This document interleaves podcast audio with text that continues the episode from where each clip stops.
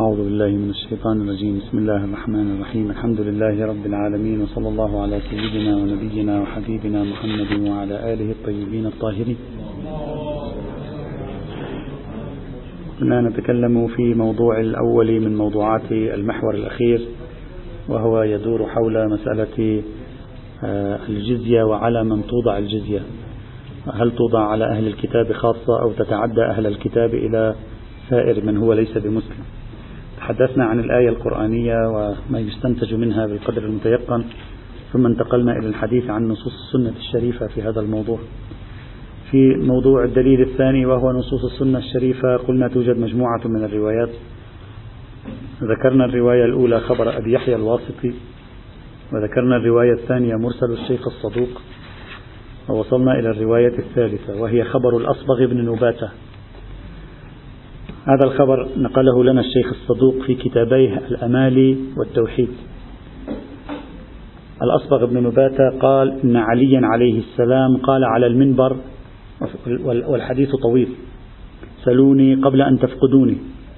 فقام إليه الأشعث بن قيس فقال يا أمير المؤمنين كيف تؤخذ من المجوس الجزية ولم ينزل عليهم كتاب؟ يعني كيف تؤخذ الجزية منهم ما نزل عليهم كتاب. ولم يبعث إليهم نبي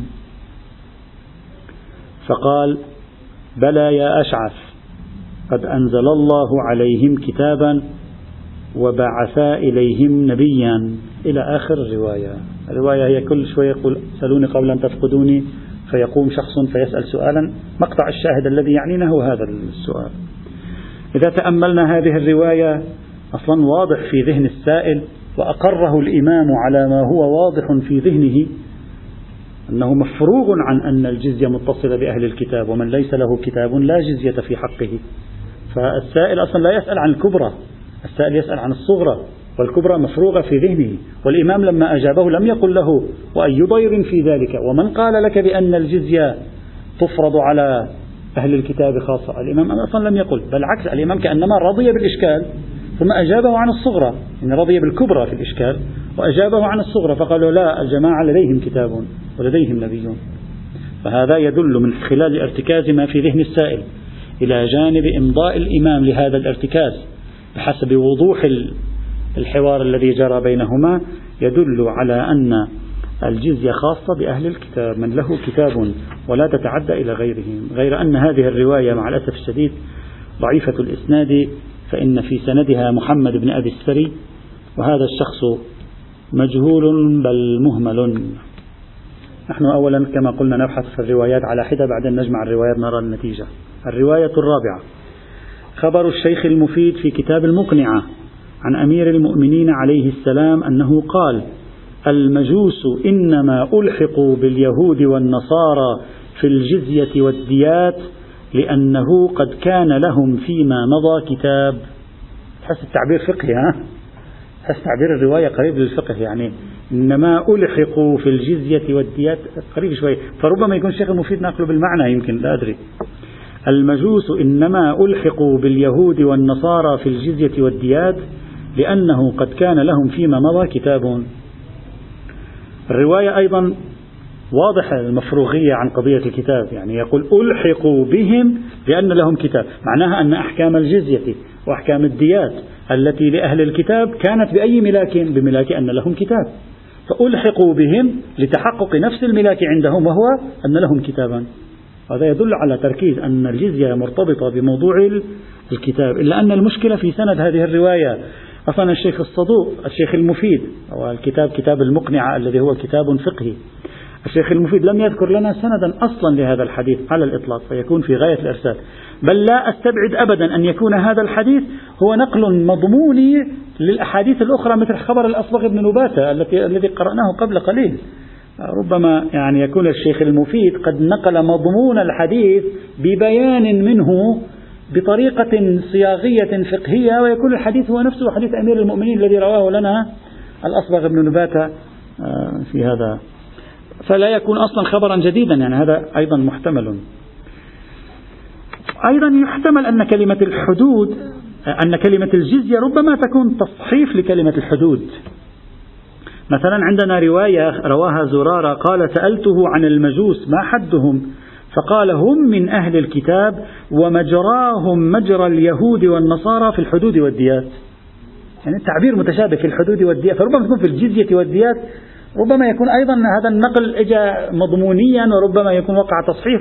احتمالنا لا أعول على هذا الاحتمال فقط من باب يعني آه، ذكر الأوجه المحتملة في هذا الحديث. على أي حال الرواية في غاية الضعف السندي والمضمون من حيث الدلالة واضح في إثبات اختصاص الجزية بمن كان له كتاب. نعم نعم. ألحقوا باليهود والنصارى في الجزية والديات والجزية والحدود قريبة من قريبة من بعضها. يعني إذا تكتب الجزية أو تكتب الحدود يوجد ثمة قرب أيضا من من بعضها أقول مجرد احتمال لا يغني من الحق شيئا على أي حال. وربما يكون هذا نقلا مضمونيا لخبر زرارة فتكون كلمة الجزية أصلا غير موجودة. وربما نقل مضموني لخبر الأصبغ بن نباتة. لكن خبر زرارة لا يقول إنه عن الإمام علي عليه السلام وإنما زرارة سأل الإمام الصادق أو الإمام الباقر عليه السلام. الرواية الخامسة خبر عبد هم تقريبا سبع روايات أو ثمان روايات. الرواية الخامسة خبر عبد الكريم بن عتبة الهاشمي. قال كنت. هذه رواية طويلة سأذكر فقط موضع الشاهد. قال كنت قاعدا عند أبي عبد الله بمكة. هذه الرواية أظن إذا أنا ما مشتبه ذكرناها في العام الماضي في روايات تحت شمول الشريعة. كنت قاعدا عند أبي عبد الله عليه السلام بمكة إذ دخل عليه أناس من المعتزلة. فيهم عمرو بن عبيد وواصل بن عطاء وحفص بن سالم إلى أن يقول ثم قال أبو عبد الله هم يطلبون منه أن يخرج معهم يعني يثور معهم والإمام يجري معهم حوارا مع من أخرج؟ من هو هذا الذي تريدونني أن أخرج وأبايعه؟ هل يعرف بالدين؟ هل يفقه الشريعة؟ هل يستحق أن يكون إماما؟ هذا تريدونني أن أجي معكم؟ الحوار تقريبا يدور حول هذا الموضوع. فالإمام من جملة الحوار يقول ثم قال أبو عبد الله يا عمرو عمرو بن عبيد. يا عمرو. يقول لو بايعت صاحبك الذي تدعوني إلى بيعته ثم اجتمعت لكم الأمة فلم يختلف عليكم رجلان فيها فأفضتم إلى المشركين الذين لا يسلمون ولا يؤدون الجزية. أكان عندكم وعند صاحبكم من العلم ما تسيرون بسيرة رسول الله صلى الله عليه وعلى آله وسلم في المشركين في حروبه. يعني إذا نحن سلمنا بايعناكم أجمعت الأمة عليكم جهزنا مثلا جيش مثلا صار في حرب مع المشركين بدنا نروح إلى المشركين. هذا صاحبكم. يعرف سيرة النبي في هذا الموضوع يعرف الفقه. أو هكذا يعني المهم. سوينا على طريقة بعض المنظمات الإسلامية الحديثة التي أمير المؤمنين فيها ما لا يصلح طالب مقدمات مثلا يكون أحيانا. فما الأمر عندكم علم يعني حتى نمشي وراكم أو تذهبون بنا إلى إلى شيء غير صحيح. قال نعم. هذاك يعني أصر. قال فتصنع ماذا؟ أعطينا الجوابات أعطينا. قال ندعوهم إلى الإسلام. يتكلم عن المشركين عن المشركين. قال ندعوهم إلى الإسلام. فإن أبوا دعوناهم إلى الجزية. قال وإن كانوا مجوسا ليسوا بأهل الكتاب الإمام يسأله. قال سواء. ما في فرق. مجوس ليسوا أهل الكتاب أهل الكتاب غير أهل الكتاب ما في فرق. آه، ندعوهم إلى الإسلام وإذا ما آه، قبلوا ندعوهم إلى الجزية. فالآن هذا عمرو بن عبيد رأيه ما هو؟ أن الجزية تجري في غير أهل الكتاب. قال وإن كانوا مشركي العرب وعبدة الأوثان قال سواء. قال أخبرني عن القرآن تقرأه. قال نعم. قال اقرأ. قاتلوا الذين لا يؤمنون بالله. قرأ له آية الجزية. الآن كلام للإمام. فاستثناء الله عز وجل واشتراطه من الذين أوتوا الكتاب. يعني الله اشترط وحصر القضية بالذين أوتوا الكتاب في الآية. فهم الإمام يسأل فهم والذين لم يؤتوا, يؤتوا الكتاب سواء؟ يعني الآية الجزية مصدرها هذه الآية. الآية واضحة مرتبطة بأهل الكتاب. أنت جعلت أولئك الذين ليسوا من أهل الكتاب مثل الذين من أهل الكتاب. قارئ القرآن أو لا؟ قال نعم. قال عمن أخذت ذا؟ هذه شوية بعض العلماء يعني الفقهاء الذين مثلا آه، أنا يعني هذه حصلت كثيرا مرارا. يكونون كبار في السن فيأتيهم مثلا طالب يكونون يعيشون في منطقة نائية يأتيهم طالب مثلا يدرس في الحوزة فيسألونه أنت ماذا تدرس؟ هذه دارجة خاصة عند العلماء القدامى الذين تخرجوا من النجف. يقول أنت ماذا تدرس؟ قال أنا أدرس ألفية ابن مالك مثلا. فيسأله يسوي له امتحان في نفس اللحظة. هذه متعارفة يقول يسوي له امتحان في فماذا تفعل؟ كذا والمبتدأ والخبر والفاعل. فهذا تورط المسكين. أراد أن يطلب من الإمام يبايعه. قال له تعال سوي امتحان. أول شيء تنجح بالامتحان حبيبي. أنا بايعك ما نجحت بالامتحان. اعذرني ما راح بايعك فهذا مسكين سقط. قال نعم. قال عمن أخذت ذا؟ هذا. يعني الطرف الآخر هم مصر للأخير. قال عمن أخذت ذا؟ من جبت هذا؟ هذا القرآن يقول ذلك. قال سمعت الناس يقولون. قال فقد خالفت رسول الله صلى الله عليه وعلى آله وسلم في كل ما قلت في سيرته بين المشركين. إلى آخر الحديث.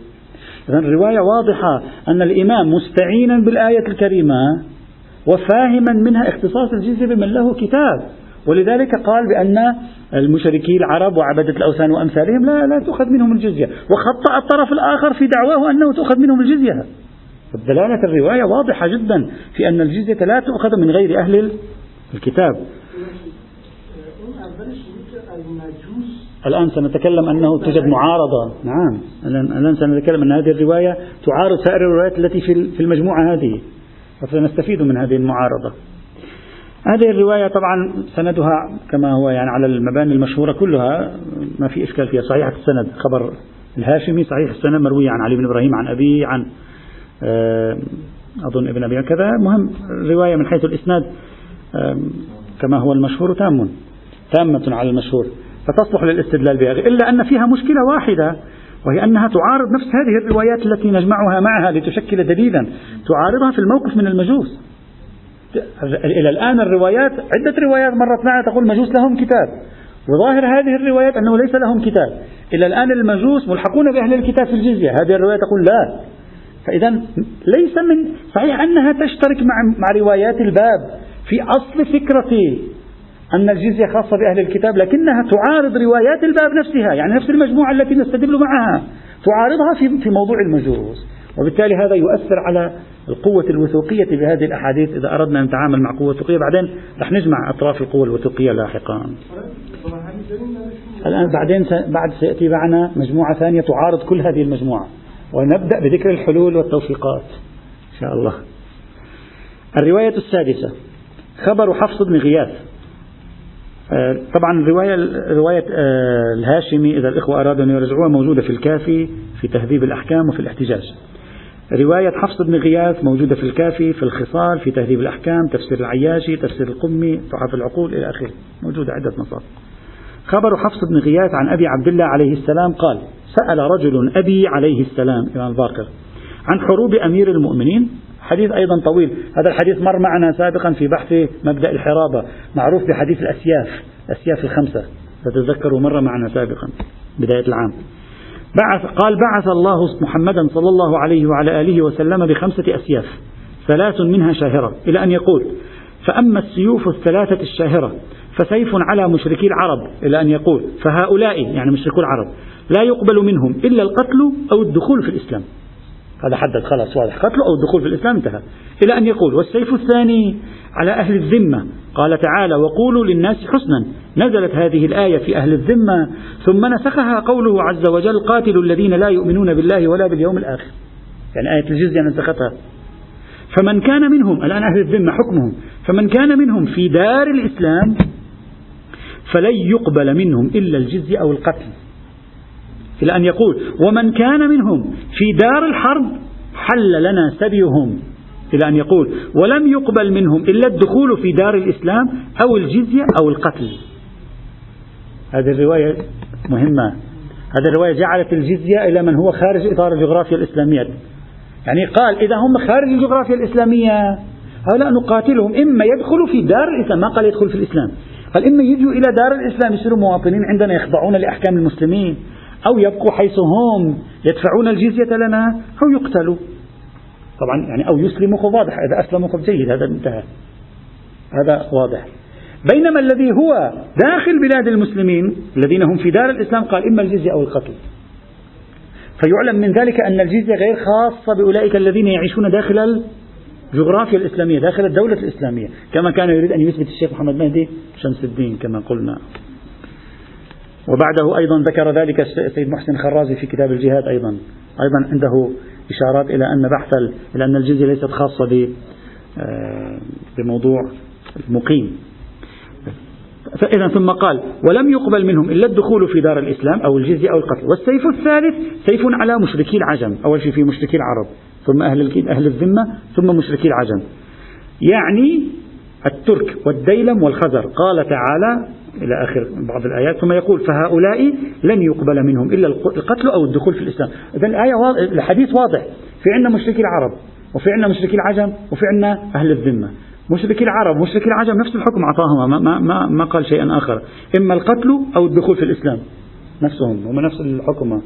وغير مشركي العرب ومشركي العجم أهل الكتاب أهل الذمة قال هؤلاء القتل عفوا الجزية أو الدخول في دار الإسلام أو القتل. بحسب التفصيل ما بين إذا كانوا داخل الجغرافيا الإسلامية أو خارجها. وهذا واضح حينئذ. التفصيل قاطع للشركة كما يقال. وهذا واضح أن الجزية لا علاقة لها بمشركي العرب ولا العجم أصلا. وبالتالي الجزية خاصة بأهل الكتاب. هذا تقريب الاستدلال بهذا الحديث لإثبات اختصاص الجزية بأهل الكتاب. هذا الحديث نحن تكلمنا عنه في درس مبدأ الحرابة بالتفصيل وناقشناه وذكرنا الارتباكات الموجودة فيه وذكرنا أربع خمس إشكالات سجلها الشيخ محمد مهدي شمس الدين على ما أذكر على هذا الحديث وناقشنا الشيخ شمس الدين في بعض هذه الإشكالات ربما وافقنا بعضها لا أذكر. لكن تكلمنا عنه في التفصيل وقلنا بأن الحديث من حيث الإسناد ينتهي إلى ضعف سندي لا يؤخذ به. هذا من حيث الإسناد. من حيث الدلالة شرحنا دلالة هذا الحديث.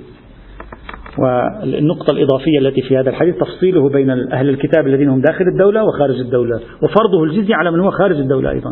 هذه نقطة إضافية تنفعنا.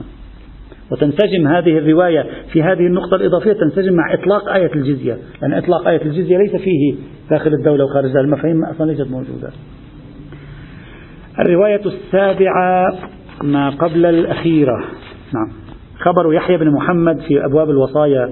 قال سألت أبا عبد الله عليه السلام عن قول الله عز وجل يا أيها الذين آمنوا شهادة بينكم إذا حضر أحدكم الموت إلى آخره.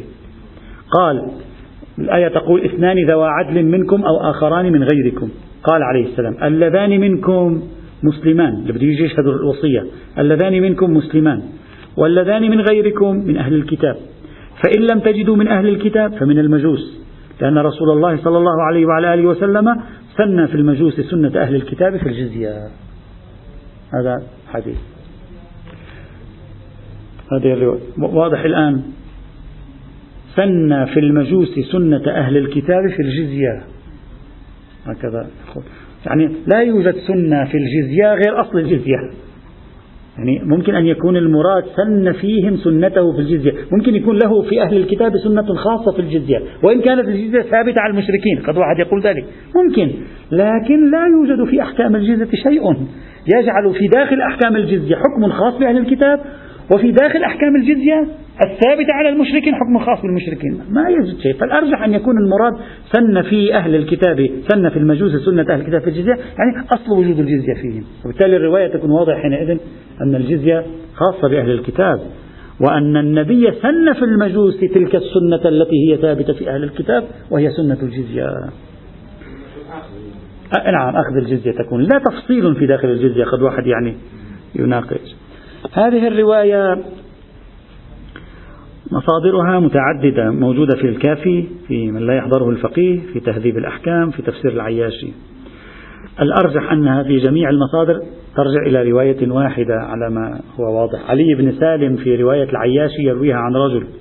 والظاهر أن هذا الرجل الذي لم يذكر اسمه في تفسير العياشي هو نفسه يحيى بن محمد المذكور في سند الشيخ الطوسي. وبالتالي لا يوجد إرسال في تفسير العياشي نستطيع حل مشكلة الإرسال في تفصيل في تفسير العياشي بالسند الموجود في عند الشيخ الطوسي. والمضمون واحد يعني لا يحتمل تكون روايتين يعني أبدا. وهذه الرواية وردت عن محمد بن فضيل عن علي بن سالم. يعني في الموردين. فيترجح أن تكون في جميع هذه المصادر عبارة عن رواية الواحدة سندها فلان عن فلان عن محمد بن الفضيل عن علي بن سالم عن محمد بن يحيى عن يحيى بن محمد. يحيى بن محمد. يحيى بن محمد لا محمد بن يحيى. يحيى بن محمد. الآن سنتكلم عنه. لا الآن سنتكلم عنه. من هو يحيى بن محمد؟ الواقع في هذه الطبقة. فإذا إذا أخذنا تفسير العياشي لوحده وتفسير العياشي لوحده بنقول مرسل. لكن يمكننا جبر إرساله بتركيب السند مع ما هو في سائر المصادر. بضمها إلى بعض يظهر أن الرواية واحدة أن محمد الفضيل في جميع المصادر يروي عن علي بن سالم. وعلي بن سالم مرة عن رجل ومرة عن يحيى بن محمد. الظاهر واحد. إذا الرواية الآن صار فيها محمد بن فضيل علي بن سالم ويحيى بن محمد. الثلاثة يروون عن بعضهم وصولا إلى الإمام عليه السلام. إذا جئنا إلى هذا السند المتبقي نجد أن يحيى بن محمد من الصعب الالتزام بتوثيقه. فقط الطريقة الوحيدة لتوثيق أنه وقع هنا في هذا السند هنا يحيى بن محمد وقع في هذا السند يروي عنه يونس في أحد أسانيد عفوا يروي عنه يونس بن عبد الرحمن. إذا واحد بنى على أن يونس بن عبد الرحمن روايته عن شخص توجب وثقته فممكن أن يوثق في مثل هذه الحال. يحيى بن محمد الذي هو في هذه الطبقة هو على الأرجح يحيى بن محمد بن جعفر الصادق عليه السلام يعني أحد أولاد الأئمة. وهذا نص على أنه لم يذكر أصلا. أصلا مهمل لم يترجم فضلا عن يوثق أو لا يوثق. فالذي في هذه الطبقة بعد مراجعة الطبقات الذي في هذه الطبقة يروي عن الإمام مباشرة ليس إلا شخص واحد وهو يحيى بن محمد بن جعفر الصادق. إما هذا هو سيكون مهملا وإما شخص آخر سيكون أشد إهمالا. إذا كان كذلك. نعم نعم. نعم نعم.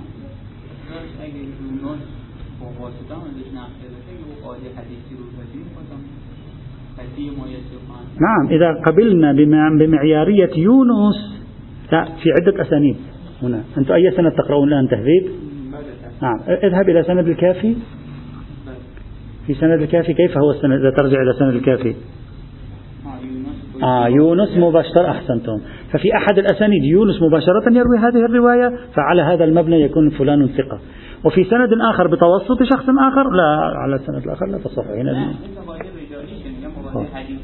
إذا إذا شخص يقبل بالقاعدة الحديثية فيما يرويه أصحاب الإجماع أو فيما يرويه لا بأس. لكن في محله ناقشنا بحث قاعدة أصحاب الإجماع. من الجانب الحديثي كقاعدة حديثية وهم كقاعدة رجالية.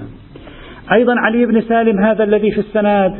الشيخ الطوسي ذكره لكن بلا أي تعليق حوله لم يذكر فيه شيء.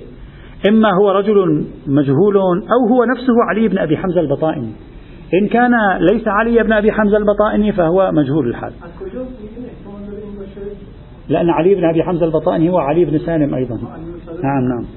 وإذا كان علي بن أبي حمزة البطائني فإن لم نقل بأنه ضعيف فهو أيضا لم تثبت وثقته. بعد محمد بن فضيل أيضا في هذه الطبقة فيه مشكلة. هذه الرواية آه، في محمد أيضا نأخذ الطبقة أيضا في محمد لا نريد أن نطيل كثيرا.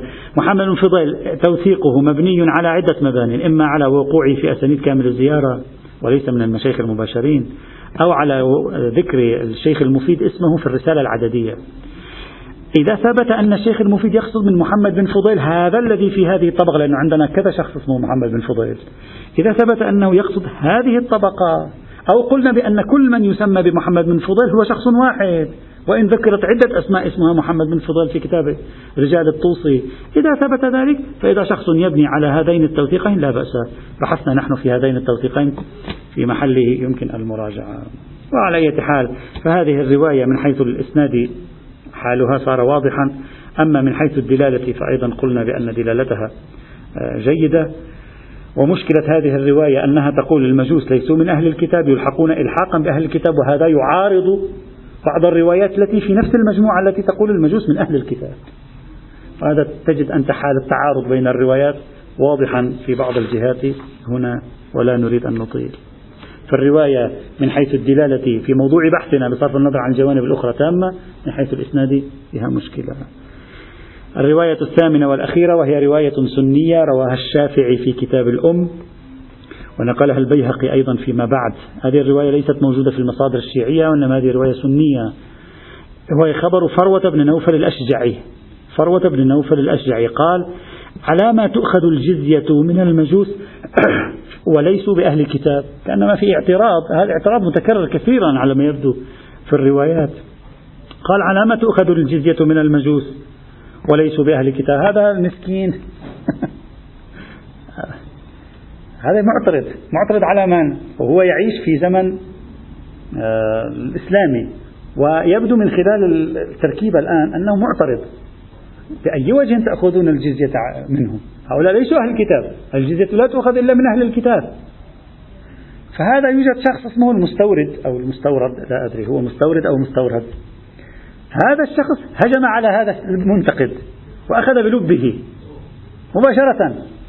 هذه في بعض البلدان الإسلامية شائعة. قال له أتعترض على عمر بن الخطاب أو تعترض على أمير المؤمنين؟ يقصد علي بن أبي طالب. يعني تعترض عليهما؟ يعني هكذا فأنت على ما تعترض. هكذا يعني سيناريو الرواية هكذا. يقول على ما تؤخذ الجزية من المجوس وليسوا بأهل الكتاب؟ فقام إليه المستورد فأخذ بلبه وقال يا عدو الله أتطعن على أبي بكر؟ عفوا أبي بكر أنا قلت عمر الخطاب أتطعن على أبي بكر وعلى أمير المؤمنين؟ الشافعي يقول يعني عليا. يعني هذا الرجل لما قال أمير المؤمنين يعني عليا. أتطعن على أبي بكر وعلى أمير المؤمنين؟ يعني, علي يعني عليا وقد أخذوا الجزية. أنت عم تعترض عليهم؟ يعني تقول بأي وجه تأخذ الجزية من المجوس؟ ما هو أخذوا الجزية من المجوس. فذهب به إلى القصر. صار هذا بعد. هذه الرواية فيك تصنفها في الحريات التعبيرية. إن كان المعارضة السياسية في الإسلام. فذهب به إلى القصر. فخرج علي عليهما. الإمام علي عليه السلام خرج عليهما شو القصة. فقال البداء يعني اجلسا فجلسا في ظل القصر. فقال علي رضي الله عنه أنا أعلم الناس بالمجوس. كان لهم علم يعلمونه وكتاب يدرسونه أو يعلمونه وكتاب يدرسونه. إلى أن قال فهم أهل كتاب. وقد أخذ رسول الله صلى الله عليه وعلى آله وسلم وأبو بكر وعمر وعمر منهم الجزية. الإمام أجاب هذا الرجل بعدين هذا شخص أكيد أطلق سراحه لا أدري شو صار في هذا المسكين اللي اعتقل هذا الاعتقال السريع. المهم ظاهر أنه أجابه الإمام راح هذا بعد انتهت القصة. محل استشهادنا الإمام يصرح بوضوح أصلا لا يستنكر فيقول له الإمام ومن قال لك أن الجزية فقط عند أهل الكتاب حتى تجد أشكل؟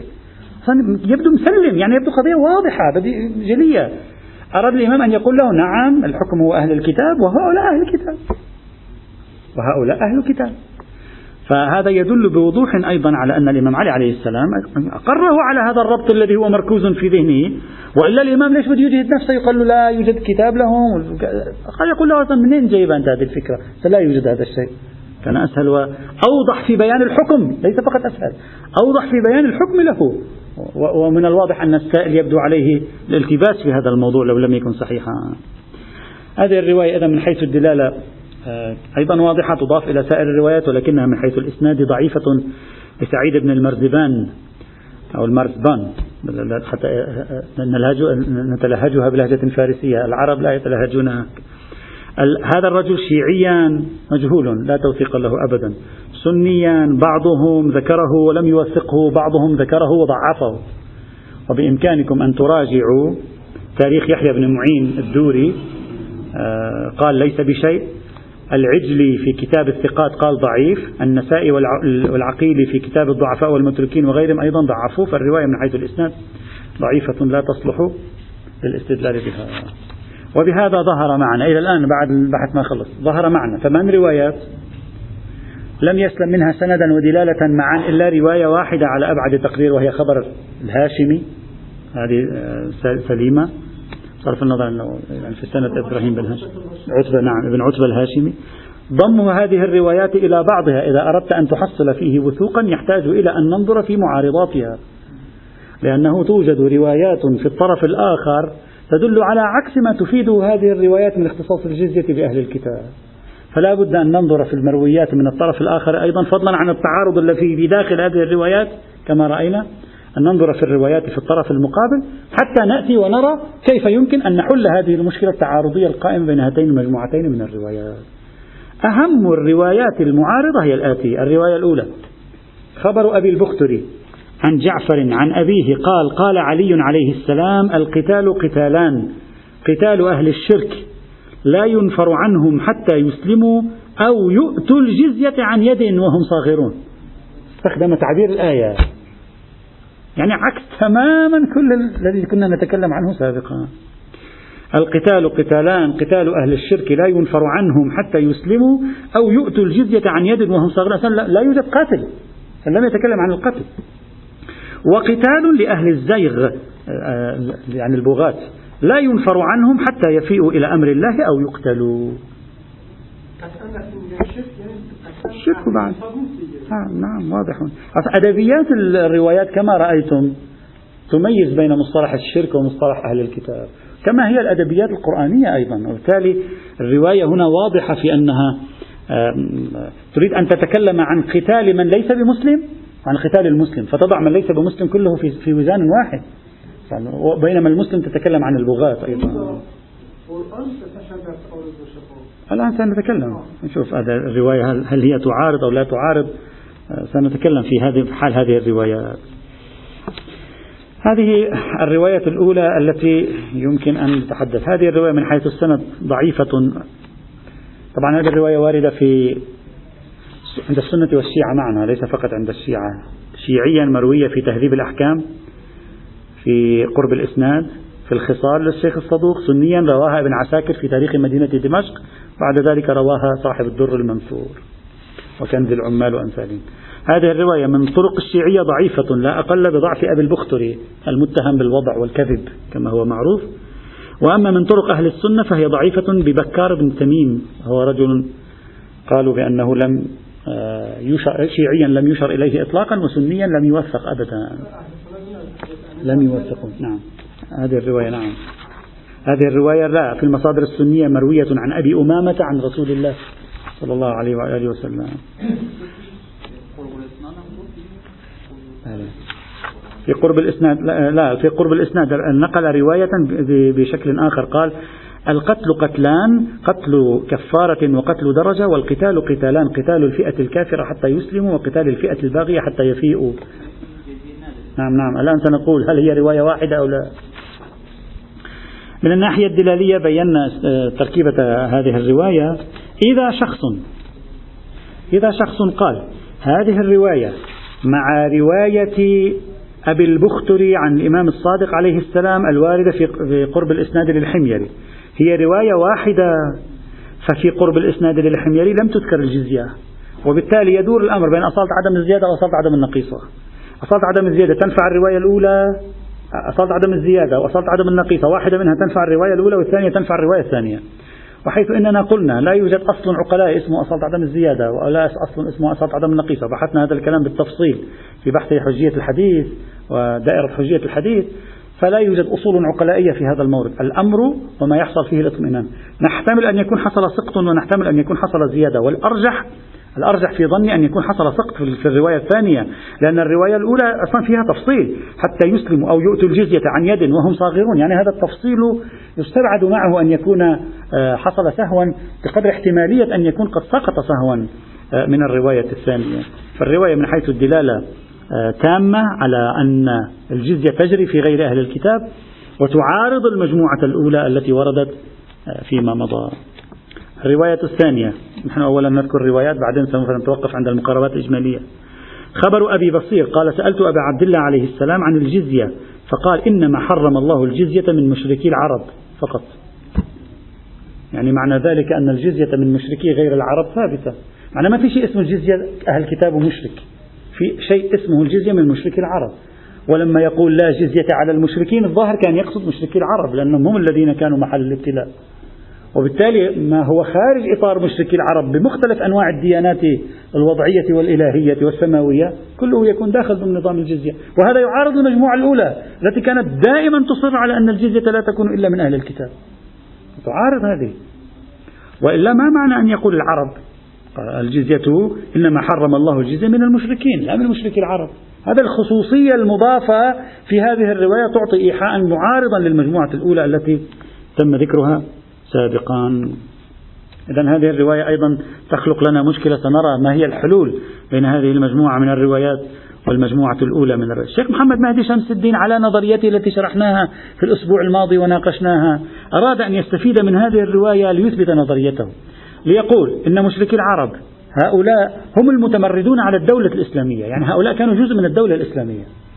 يعني يتكلم عن مشركي العرب ما بعد نزول سورة التوبة. هؤلاء صاروا جزءا من الدولة الإسلامية على مبانيه هو. وبالتالي هذه الرواية تثبت أن الذي هو جزء من الدولة الإسلامية ويتمرد على الدولة الإسلامية لا تؤخذ منه الجزية الحال معه إما الإسلام أو القتل. كما قال هو سابقا فقال هذه تساعد نظريتي. إلا أن هذا الكلام لا يبدو واضحا. فإن هذه الرواية ليست صادرة عن النبي حتى نفهمها في هذا السياق وإنما هي صادرة عن الإمام الصادق عليه السلام. وفي زمن الإمام الصادق عليه الصلاة والسلام عندما الإمام يبين يقول إنما حرم الله الجزية على مشركي العرب خاصة الإمام في زمانه لم يكن المسلمون مبتلين فقط بمشركي العرب كما كانت الحال في زمن رسول الله صلى الله عليه وآله وسلم. ولم يكن فقط تحت سلطان الدولة الإسلامية أو من هو على تماس مع الدولة الإسلامية مشرك العرب. وإنما كان مشرك العرب وغير مشرك العرب ممن كانوا تحت سلطان الدولة وممن كانوا خارج سلطان الدولة. وكان هناك مشركون تحت سلطان الدولة لم يكونوا من العرب. أصلا كانت مشركو العرب كانوا قد انقرضوا أصلا في زمن الصادق عليه السلام. لا يوجد مشرك من مشرك العرب كان في ذلك الزمن. وبالتالي عندما الإمام يقول إنما حرم الله الجزية على أخذ الجزية عن مشركي العرب وهو في القرن الثاني الهجري ويوجد مشركون من العجم يعني من غير العرب.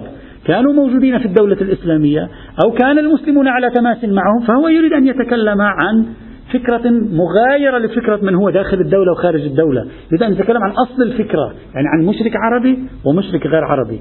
مشرك العربي لا تؤخذ منه الجزية مشرك, آه، مشرك العربي لا تؤخذ منه الجزية مشرك غير العربي تؤخذ منه الجزية. ولا يوجد نظر إلى كونه داخل الدولة الإسلامية أو خارج الدولة الإسلامية. يعني لو كان النبي يتكلم هذا الكلام كنا قلنا النبي ناظر إلى المشركين وليس المشركون الذين هو على تماس معهم إلا مشركي العرب وهؤلاء كلهم متمردون. أما الإمام الصادق عليه السلام فيتكلم بالمطلق لأن الدولة على تماس مع مشركي العجم في الداخل وعلى تماس مع مشركي العجم في الخارج. وبالتالي لا معنى لأن نقول بأن هذه الرواية فقط وفقط ناظرة إلى المشركين الذين هم يتمردون في داخل الدولة الإسلامية. أما فيما يتعلق بسند هذه الرواية سندها فيه ما فيه. فيه شخص اسمه وهب سريعا سأقول سند لا نطيل في موضوع السند فيه شخص اسمه وهب ويحتمل أن اسمه وهيب. أن اسمه وهيب. إذا كان الراوي هو وهاب ولاحظنا طبقة هذه الرواية فهو إما وهب أبو البختري أو وهب بن عبد الله أو وهب بن عبد الرحمن أو غيرهم. إذا وهب بن وهب أبو البختري كذاب وضاع. إذا غيره مجاهيل. راحت الرواية. أما ما قاله الشيخ شمس الدين بأن المراد من وهب هنا وهب بن محمد البزاز القمي. إذا كان هذا وأنه رجل ضعيف هذا غير دقيق. لأن وهب هنا لأن وهب ابن محمد البزاز القمي روى كل رواياته ابن محبوب. وهذه الرواية ليس في سندها ابن محبوب. فيكون مرجوحا أن نقول بأن هذا الرجل هنا هو القمي حينئذ ليس صحيحا. هذا إذا كان وهبا. أما إذا كان وهيبا كما جاء في سند تهذيب الأحكام للشيخ الطوسي فيمكن أن نقول هذا السند تام حينئذ. وذلك أنه يوجد شخص اسمه وهيب بن حفص الجريري. وهذا الشخص في بعض الموارد ذكر اسمه اشتباها بعنوان وهب أيضا. فيترجح في هذا السند أن يكون هو وهيب ابن حفص الجريري. وهذا الشخص روى عن أبي بصير كثيرا. وهذه الرواية مروية عن أبي بصير من قبله فيترجح أنه هو. وهذا الشخص روى عنه كثيرا ابن أبي الخطاب وفي هذه الرواية الذي روى عنه ابن أبي الخطاب. إذا الأرجح أن هذه الرواية ليس فيها كلمة وهب بل فيها كلمة وهيب. ووهيب هذا هو وهيب بن حفص الجريري بقرينة الراوي والمروي عنه وبملاحظة الطبقة. وبناء عليه هذا الرجل وهيب بن حفص الجريري من أصحاب الصادق والكاظم عليهما السلام كما نص على ذلك النجاشي.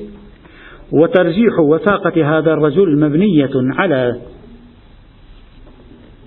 توثيق النجاشي له وورود في أسانيد تفسير القمي وحيث أنه وثقه النجاشي وورد في تفسير علي بن إبراهيم فيتعاضد مثلا ونقول بأنه يترجح كون هذا الرجل ثقة.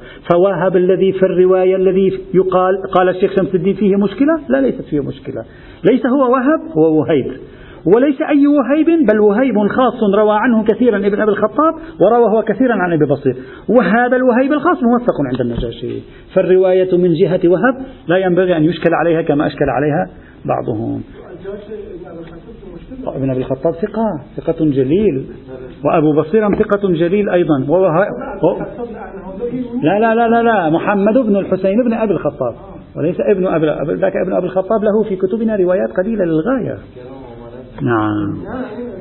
نعم. إنما الكلام كل الكلام أن هذه الرواية تروى بسند الشيخ الطوسي إلى الصفار ومن الصفار إلى ابن أبي الخطاب ومن ابن أبي الخطاب إلى وهيب ومن وهيب إلى أبي بصيص وإذا كان الأمر كذلك لابد أن ننظر في سند الشيخ الطوسي إلى الصفار. والمشهور تصحيح السند.